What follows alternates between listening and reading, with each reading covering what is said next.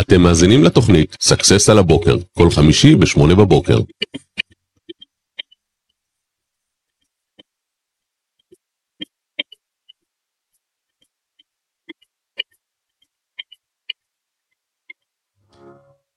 טוב, בוקר טוב, בוקר טוב, מה שלומך, עורך דין שלום עידן? בוקר טוב, אלעד הדר הגדול. מה העניינים? בסדר, ברוך השם, הכל בסדר. נהדר. כיף לארח אותך פה בשידור, והאמת שקראתי לך לשידור אחרי שראיתי קצת אה, פרסומים, שבנק הפועלים רוכב על הגל של יום כיפור, שזה מאוד נחמד, והוא מעוניין לבוא לסגור חובות, לבוא לבנקים, והבנק ילך לקראתו לכבוד יום כיפור. ואתה שאלת אותי, ככה השאלה, מה הקשר ליום כיפור ובנק הפועלים? אמרתי לך, שמע, כל, כל סיבה היא סיבה למסיבה. אז uh, היום אנחנו הולכים לדבר על כל מה שקשור לפשיטות רגל, הסדרי חוב, מתי נכון לקחת עורך דין, מתי לא נכון לקחת עורך דין, איך הדרך הנכונה לעשות את זה. כמובן שאתם מוזמנים גם לשאול את השאלות שלכם, אבל קודם כל ניתן לעורך דין שלום עידן להציג את עצמו, אז uh, בבקשה. כן, עורך דין שלום עידן, אה, מזה כ-15 שנה, מתעסק בכל הנושא של חדלות פירעון.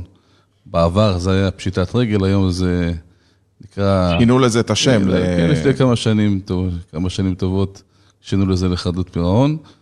ובעצם המטרה היא, זה באמת להוציא את האנשים לדרך חדשה, וזה גם בסיפוק הגדול שלנו, שאנחנו מצליחים, מה שנקרא, לפתוח דף חדש לאנשים, מה שנקרא כמו תינוקות שנולדו, פשוט ככה. זה באמת ככה? מוחקים ממש אה, חובות? כן, לגמרי. אומנם זה הליך, יש כל מיני סוגי הליכים, יש כל מיני דברים שצריכים לעשות, זאת אומרת, לבחון כל מקרה לגופו, ואז להחליט לאיזה דרך פונים. לכן גם אה, השאלה שלך, האם צריך עורך דין, אז אני אומר חד משמעית, לטפל בחובות לבד. זה לא משהו שאפשר לעשות אותו לבד? ממש לא, זאת אומרת, אפשר לנסות לעשות לבד איזשהו הסדרי חובות עם אנושים שונים, זאת אומרת, עם אנשים שחיים להם את הכסף שנקראים נושים. אבל האפקטיביות היא, היא לא תהיה כמו מישהו מקצועי שיודע קודם כל להעריך את הדרך שצריך לעשות. אני חושב שגם יש משהו בזה שאם אני בתור אה, חייב מגיע לבנק, או עורך דין שלי מגיע לבנק בשביל לעשות משא ומתן, אני חושב שהבנק מתייחס טיפה אחרת לסיטואציה. כן, אחרת לגמרי. צריך להבין שהבנקים בעצם, ברגע שהם מעבירים את התיק לגבייה, הם כבר, זאת אומרת, עובר מסניף לטיפול עורך דין חיצוני בדרך כלל. מחלקה משפטית, מה שנקרא, זה תמיד האיום של הבנק. אם לא תטפל, נעביר את זה למחלקה המשפטית. כן, המחלקה המשפטית היא עוד אה, סוג של אה, אה, דבר טוב, כי אחרי המחלקה המשפטית, איזשהו מכתב או משהו, זה עובר בדרך כלל כבר לעורכי דין חיצוניים. ואז לא מעניין אותם כלום. מבחינת הבנק הוא כבר ממשיך הלאה, הוא, הוא כבר בחשבון הבא, הוא לא... לא מעניין אותו יותר. זה כבר עניין של עורך הדין של הבנק מול העורך הדין של ה... אני, אני שמעתי שחובות מאוד מאוד מתנפחים ברגע שזה עובר למחלקה המשפטית, שפתאום יש מלא ריביות ועמלות ואגרות ודוחפים שם מלא דברים, והאם הם עושים את זה בכוונה כדי שאחר כך יהיה אפשר לצמצם את החוב ויהיה להם ממה להוריד, או שזה סתם דרך לגבות יותר כסף? לא, פשוט, אה, שאתה, אתה יודע, מי כמונו יודעים שהולכים לפתוח חשבון בבנק, חותמים על חובות, ממש המון המון דפים. מי קורא את זה בכלל? אף אחד לא קורא את זה, אבל בפועל, מה שאתה חותם זה בדיוק כל העניין הזה, שאם לא תשלם, אז חלק מזה, מה שאתה חותם, אז אומר שאם לא תשלם, אז יוכלו לפתוח בינך גבייה וכולי, והריביות הן ריביות של, מה שנקרא ריביות של פיגורים וכולי. מה זה ריבית פיגורים? תן לי ככה איזה אומדן. זאת אומרת, אם יש איזושהי הקצבה שהבנק נתן לך איזושהי מסגרת מסוימת, אם עמדת במסגרת הזאת, אז הריבית היא בדרך כלל יותר נמוכה, חרגת מהמסגרת, אז הריבית יותר גבוהה, וברגע שבן אדם שיש לו חשבון בנק, ואחרי שהוא חורג וגם לא משלם ולא עומד בתשלומים, אז לגמרי עוברים למה שנקרא, סוגרים לו את כל המסגרות, ואז מהשקל הראשון שלך, בעצם זה הריבית פיגורים שלך. Mm, כל החשבון, כל החוב. תן לי דוגמה לחוב שראית שהתנפחום לסכום, על מה אנחנו מדברים פחות או יותר? אה, אתה יכול לקחת דוגמה פשוטה, בזמן תיק, שחובות של... אה, היו 30 אלף שקל בבנק, הם הגיעו לאזור 250. צוחק עליי. אמיתי לגמרי. איך הם מצפים שבן אדם שהיה לו חוב של 30 אלף שקלים, שזה חוב של בן אדם נורמטיבי, שאפילו הוא שכיר, הלך, סגר את העסק, לא משנה מה, עכשיו יש לו 30 אלף שקל, חוב שאפשר להתמודד איתו, 250 אלף שקל זה לגמור את החיים לבן אדם, זה מה שבנק עושה? הבנק פותח, כמו שאמרתי, הוא מעביר לעורך דין החיצוני, פותח תיק הוצאה לפועל. בתיק הוצאה לפועל מקבלים את הריביות של... של, של, של ההוצאה לפועל. של הבנק עוד, זאת אומרת, ריביות יותר גבוהות, זה חישוב ריבית אחרת, יותר גבוהה מכאילו... לפי דרכי חישוב של הבנק, שההוצאה לפועל בעצם מאשרת אותם, אבל מה שבסופו של דבר, בין מהסכומים, זאת אומרת, אני יכול להגיד לך שה-250 אלף שקל האלה בסוף נסגרו ב-5 אלף שקל, אתה צוחק עליי. לגמרי.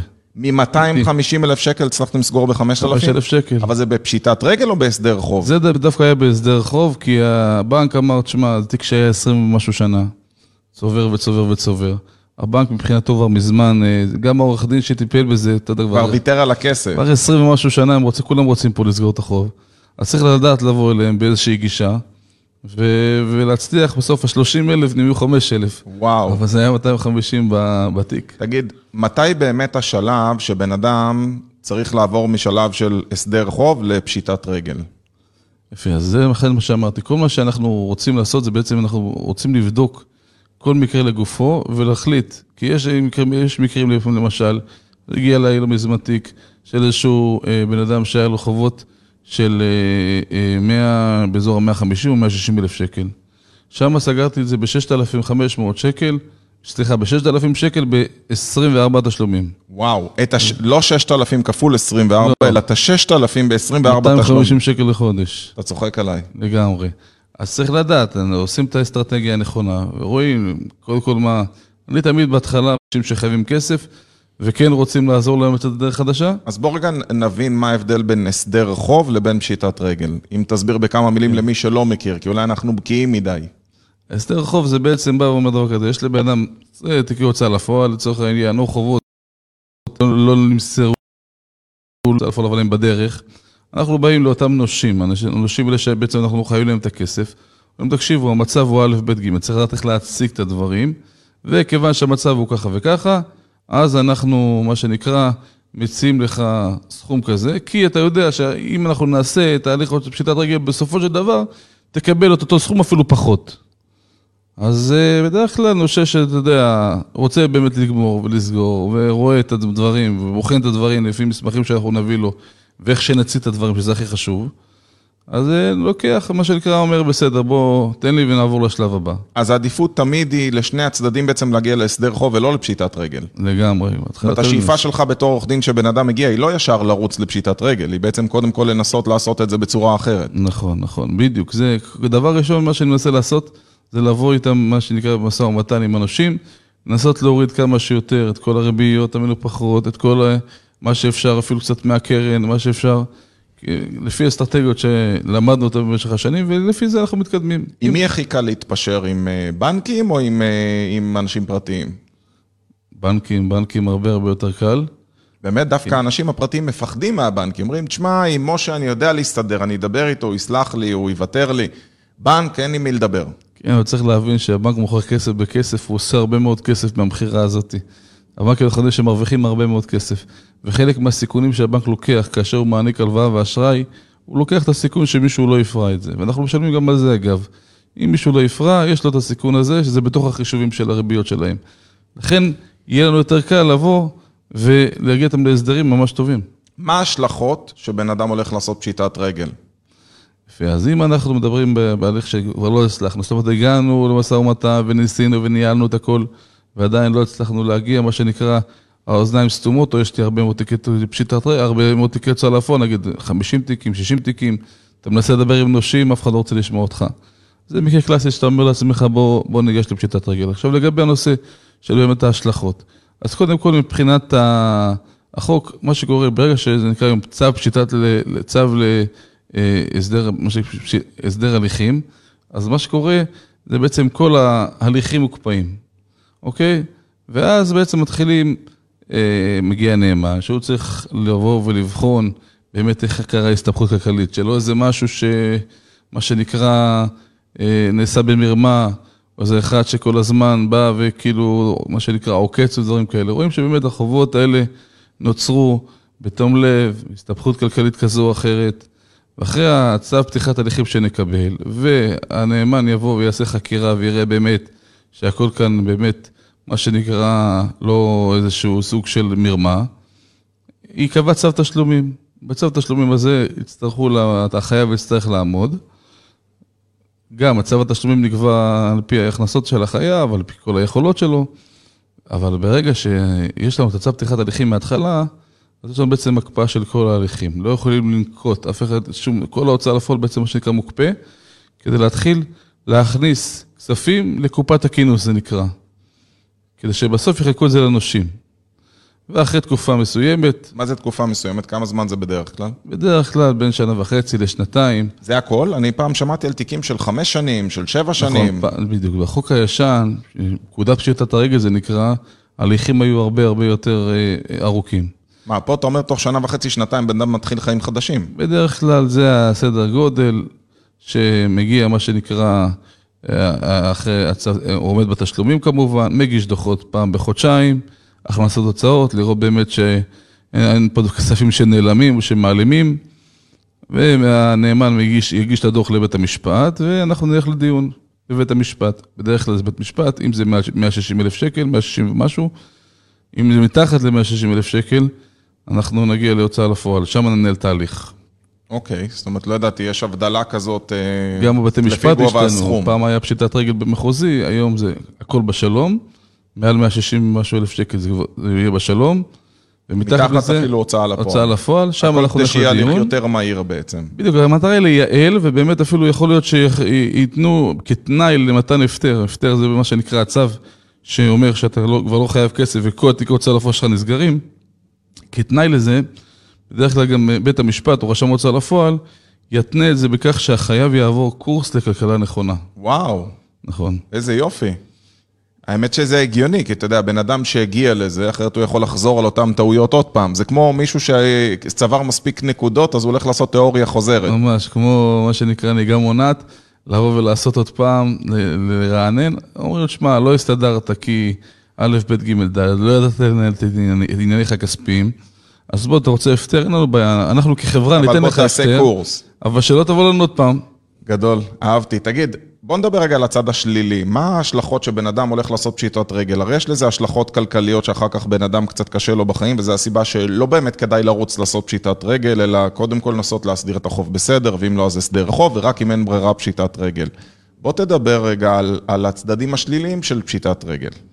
אוקיי, אז קודם כל, תשמע, כשמגיעים אלינו את האנשים שמגיעים אלינו בדרך כלל, הם אנשים שמגיעים כבר עם כל הצדדים השליליים, זאת אומרת, יש להם את ההגבלות, יש להם עיקולים בחשבון, הם זאת אומרת, אתה רצים אומר, להפקיד- הנזק כבר לא, אי אפשר להחמיר אותו. הם, הם, בדיוק, הם רצים, מה שנקרא, להפקיד את הכסף אצל סבתא או אצל הדודה כדי שימשכו, ואת המשכורת יעבד- יעבדו חצי שחור, חצי כזה לבן, כדי שלא ייגעו במשכורת, כדי שחוק הגנת השכר, שמסכום מסוים אפשר להקל וכולי. אז זה מה שנקרא המצב, שהמצב שלהם הוא כבר, הוא כבר מצב שהוא לא פשוט מבחינה כלכלית. אז זאת אומרת, ההשלכות הן לא השלכות כאלה ממה שהיה להם, אבל עדיין יש השלכות.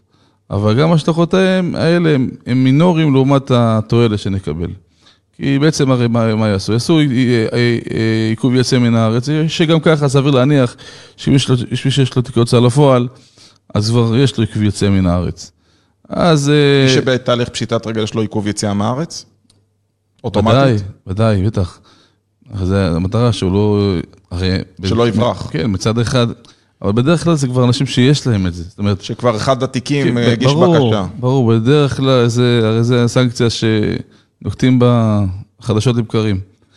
אז יש את זה, זאת אומרת, זה, זה לא הבעיה. איפה יכולה להיות הבעיה? זאת אומרת, באמת קצת איזושהי בעיה מסוימת. זה בנושא של מה שנקרא דוח נתוני אשראי. שמה שנקרא מערכת רואה שהיית בפשיטת, אחרי שקיבלת הפטר, עדיין, אתה יודע, היום הכל גלוי וידוע לפני נכון. הבנקים, עם חוק נתוני אשראי, ובדוח, מה שנקרא, דוח האשראי ש- של האדם יופיע שהוא, מה שנקרא, היה בפשיטת רגל, אבל גם זה אחרי שבע שנים, אין זכר ו... אחרי לא שבע רואים שנים זה נמחק? בהתאם לחוק, כן, אחרי שבע שנים, חוק נתוני אשראי קובע שרק שבע שנים אחורה אפשר לראות. בשבע שנים האלה ידוע לך אם בן אדם כזה יכול לקבל משכנתה או... יפה, אז היה לי מקרה כזה בדיוק, שאחרי הפטר, קיבלנו צו הפטר, וממש חוד- חודשים אחרי, הגיע אותו לקוח שלי לבנק, אמר, תשמע, תביאו לי משכנתה. ואגב, הלקוח הזה התאושש, הקים עסק אחר כך עצמאי, אה, עסק אחר, עסק אחר הוא הפסיד, הגיע לפשיטת רגל, אחר כך הקים עסק עצמאי אחר, והצליח בצורה יפה מאוד, הכנסות יופי. יפות. כן, ממש פרח. ואז אה, הגיע לבנק עם הכנסות יפות, ואמר, חבר'ה, אני רוצה לקנות בית. אמרו לו, תשמע, הוציאו את הדוח, אמרו, תשמע, אתה היית בפשיטת רגל, אי אפשר. אז הבנתי שהוא הלך לאיזשהו יועץ משכנתאות, שמה שנקרא, זה העבודה של יועצי משכנתאות, והם יודעים להתמודד עם זה. בסוף הוא קיבל משכנתה, אם מישהו ערב או משהו, בסוף הוא קיבל זאת משכנתה. אומרת, כן אפשר לצאת מזה בסופו של דבר. לגמרי. אפשר לצאת מזה בסופו של דבר, וגם גם משכנתה הוא קיבל וקנה בית פרטי אגב. וואו, איזה כן. כיף לשמוע על סיפורי התאוששות. אני חושב שכל הרעיון הזה של פשיטת רגל הוא בסופו של דבר לגרום לבן אדם להתחיל חיים חדשים, אבל מן הסתם זה לא מנגנון שנועד לבן אדם לעקוץ. איך, איך מונעים ממצב שבן אדם באמת משתמש בזה, הולך, מפזר, מפזר, מפזר, לוקח את הכסף, מועל בו, ואיך בתי המשפט מגינים על עצמם שזה לא באמת בן אדם שהוא נוכל, שעשה את זה כדי לברוח מחובות. אז בדיוק, בגלל החוק חוק חדלות פירעון, בחוק יש בדיוק מענה למה שאתה אומר. זאת אומרת, אם הנאמן יבוא ויראה שיש כאן באמת עקיצה של בן אדם, שבן אדם שהתנהל, שכמו שאמרתי, שלא בתום לב, ובאמת עשה את הדברים האלה מתוך מרמה, הנאמן יבוא ויגיד בבית המשפט, חבר'ה, זה לא מגיע לו, בואו נבטל לו את זה. למה? כי הוא לא עשה את, את, את כל ההליך הזה בתום לב ובדרך ישרה. הם מדברים על בן אדם שפתח עסק, על אנשים, בתקופת הקורונה, היו המון מקרים שאנשים, מה לעשות, עסקים קרסו. אנשים נקלעו לחובות כלכליים שלא באשמתם, אף אחד לא צפה מגפה, בטח לא מגפה עולמית כזאת, שכמו שהייתה. אז באו, והרבה קרסו, והרבה הלכו להליך הזה, לא מתוך רצון ומתוך לעקוץ. לכן התפקיד של הנאמן, מי שנקרא הנאמן, התפקיד שלו, אחד, אחד התפקידים של הנאמן בתוך ההליך הזה, זה לבוא, כשמו כן הוא נאמן לבית המשפט, הוא צריך לבוא ולראות ולבדוק ממה נוצרו החובות, והאם זה סוג של עוקצים או דברים שהם לא חוקיים והמטרה שלהם היא פסולה, שאז יבטלו לבן אדם תהליך פשיטת רגל, אלא לבין רוב המקרים הקלאסיים, שזה באמת אנשים שאתה רואה אותם, אתה רואה על הפנים שלהם, ואתה יודע, הם באים למשרד, אומרים, אני לא רוצה פשיטת רגל, בוא ננסה, בוא ננסה פה, ננסה שם, שבוע שעבר ישבתי לקוח, יש לו איזשהו עסק, 450 אלף שקל הוא חייב לבנק, עשינו לו איזשהו הסדר, הורדנו לו ריביות, פריסה לעשר שנים את, את החוב הזה, התחיל לשלם, עוד פעם נקלע לקושי, עוד פעם הוא מגיע, לא, אני אמרתי לו, בוא נלך לפשיטת, לא, לא נלך לדוד פירעון, לא, אני אלחם בשיניים, ועוד שוב עשינו לו הסדר. אתה רואה אותם שמנסים לצאת מזה באמת בתמים, לא ב- ב- באים לעקוץ אה, אה, אנשים, הם באמת באים, אומרים, אני לא רוצה, נלחמים בכל הכוח. אבל אני אומר, כשאין ברירה, וכבר אין ברירה, אז בשביל זה יש חוק הזה נועד, בעצם להגן על החייבים האלה. תן לי דוגמה לטעויות שאנשים עשו, שהם היו בתהליך והנאמן פסל את הפשיטת רגל או האריך אותה בגלל הטעויות האלה. היה לי איזשהו מקרה קלאסי. אחרי- אתה כמו סטנדאפיסט, כל מה שואלים, מה היה לך? אז זה מראה שאתה בעל ניסיון. אחרי 15 שנה, אתה יודע, כבר אתה עובר הכל. אתה רואה הרבה דברים, לגמרי. אה, אנשים שבן אדם לא הגיש דוחות. אז הוא אומר, שמע, יש לי את מה שנקרא, את ה- דוחות לנאמן? הליכים. כן, כל חודשיים אמרנו שצריך להגיש דוחות, הכנסות אוקיי. מול הוצאות. בעצם לראות את, ה, את האיזון, שבאמת הדברים האלה, מה שנקרא, הכנסת X כסף, הוצאת Y, ולראות באמת שהדברים מסתדרים. אז אתה יודע, לא רוצה להגיש דוחות. מה זה לא רוצה? מתעצל, שוכח, הכל טוב. עכשיו, הכל טוב מבחינתו, למה? כי גם כל התיקי הוצאה לפועל שלו קפואים. ההליך מגן עליו, והוא לא מגיש. הנאמן גם, אתה יודע, הנאמן זה אחד שאין לו תיק אחד, יש לו מאות תיקים. אז אתה יודע, גם הנאמן לא כזה עוקב, אבל בסופו של יום יש מעקב ויש בקרה, ואחרי חצי שנה, שנה, ש... אפילו עוד מעל שנה, הוא לא הגיש את הדוחות. פנה הנאמן לבית המשפט, הוא אומר, תקשיב, הוא פנה לחייב, לחייב, אמר לו, תשמע, בוא תגיש, בוא זה. כן, כן, אני אגיש, אתה מכיר את זה, מחר, מחר, כן, מחר. מחרתיים. הבן אדם שוכח. מחר לא, כך. מחר כך. הבן אדם שוכח, לא מגיש, הוא פנה לבית המשפט, אמר, בואנה, יש לנו פה בן אדם. שמזלזל. שמזלזל, שאני לא יודע בכלל מה ההכנסות שלו מול ההוצאות שלו, לא יודע איך הוא חי. ובית המשפט בא ואמר, תקשיבו, נו, נו, נו. בית המשפט נתנו, תקשיבו, תגישו, תסדרו את המחדלים האלה, כי אחרת אנחנו מבטלים לכם את צו פשיטת הרגל. את התהליך בעצם, תהליך אה, פשיטת הרגל. ובסדר, במקרה הזה סידרנו את זה והכל היה בסדר, אבל חשוב לעמוד בדברים האלה. זאת אומרת, יש, יש מחויבויות, יש לזה יתרונות, בסופו של יום אנחנו מוחקים כסף, ולפעמים זה הרבה מאוד כסף.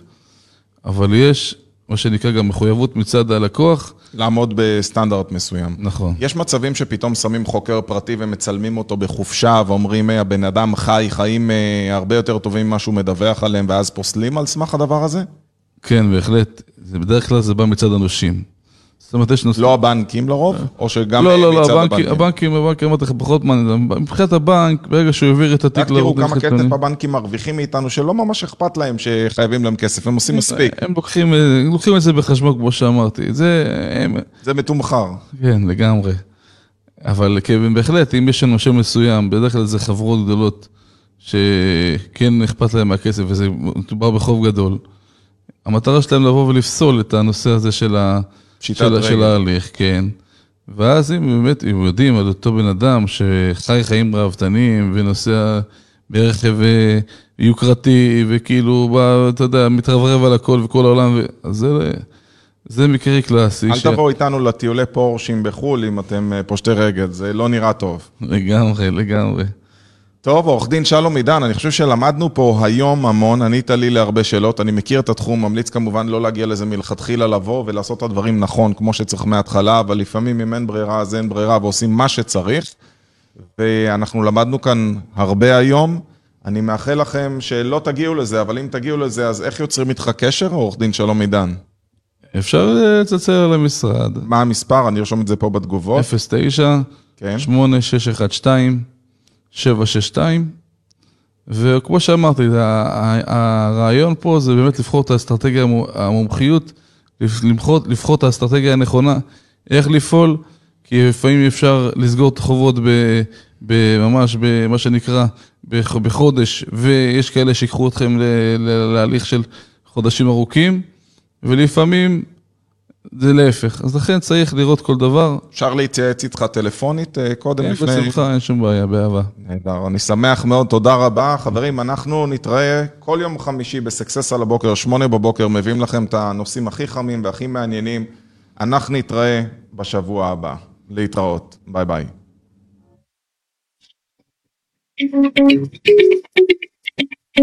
אתם מאזינים לתוכנית סאקסס על הבוקר, כל חמישי בשמונה בבוקר.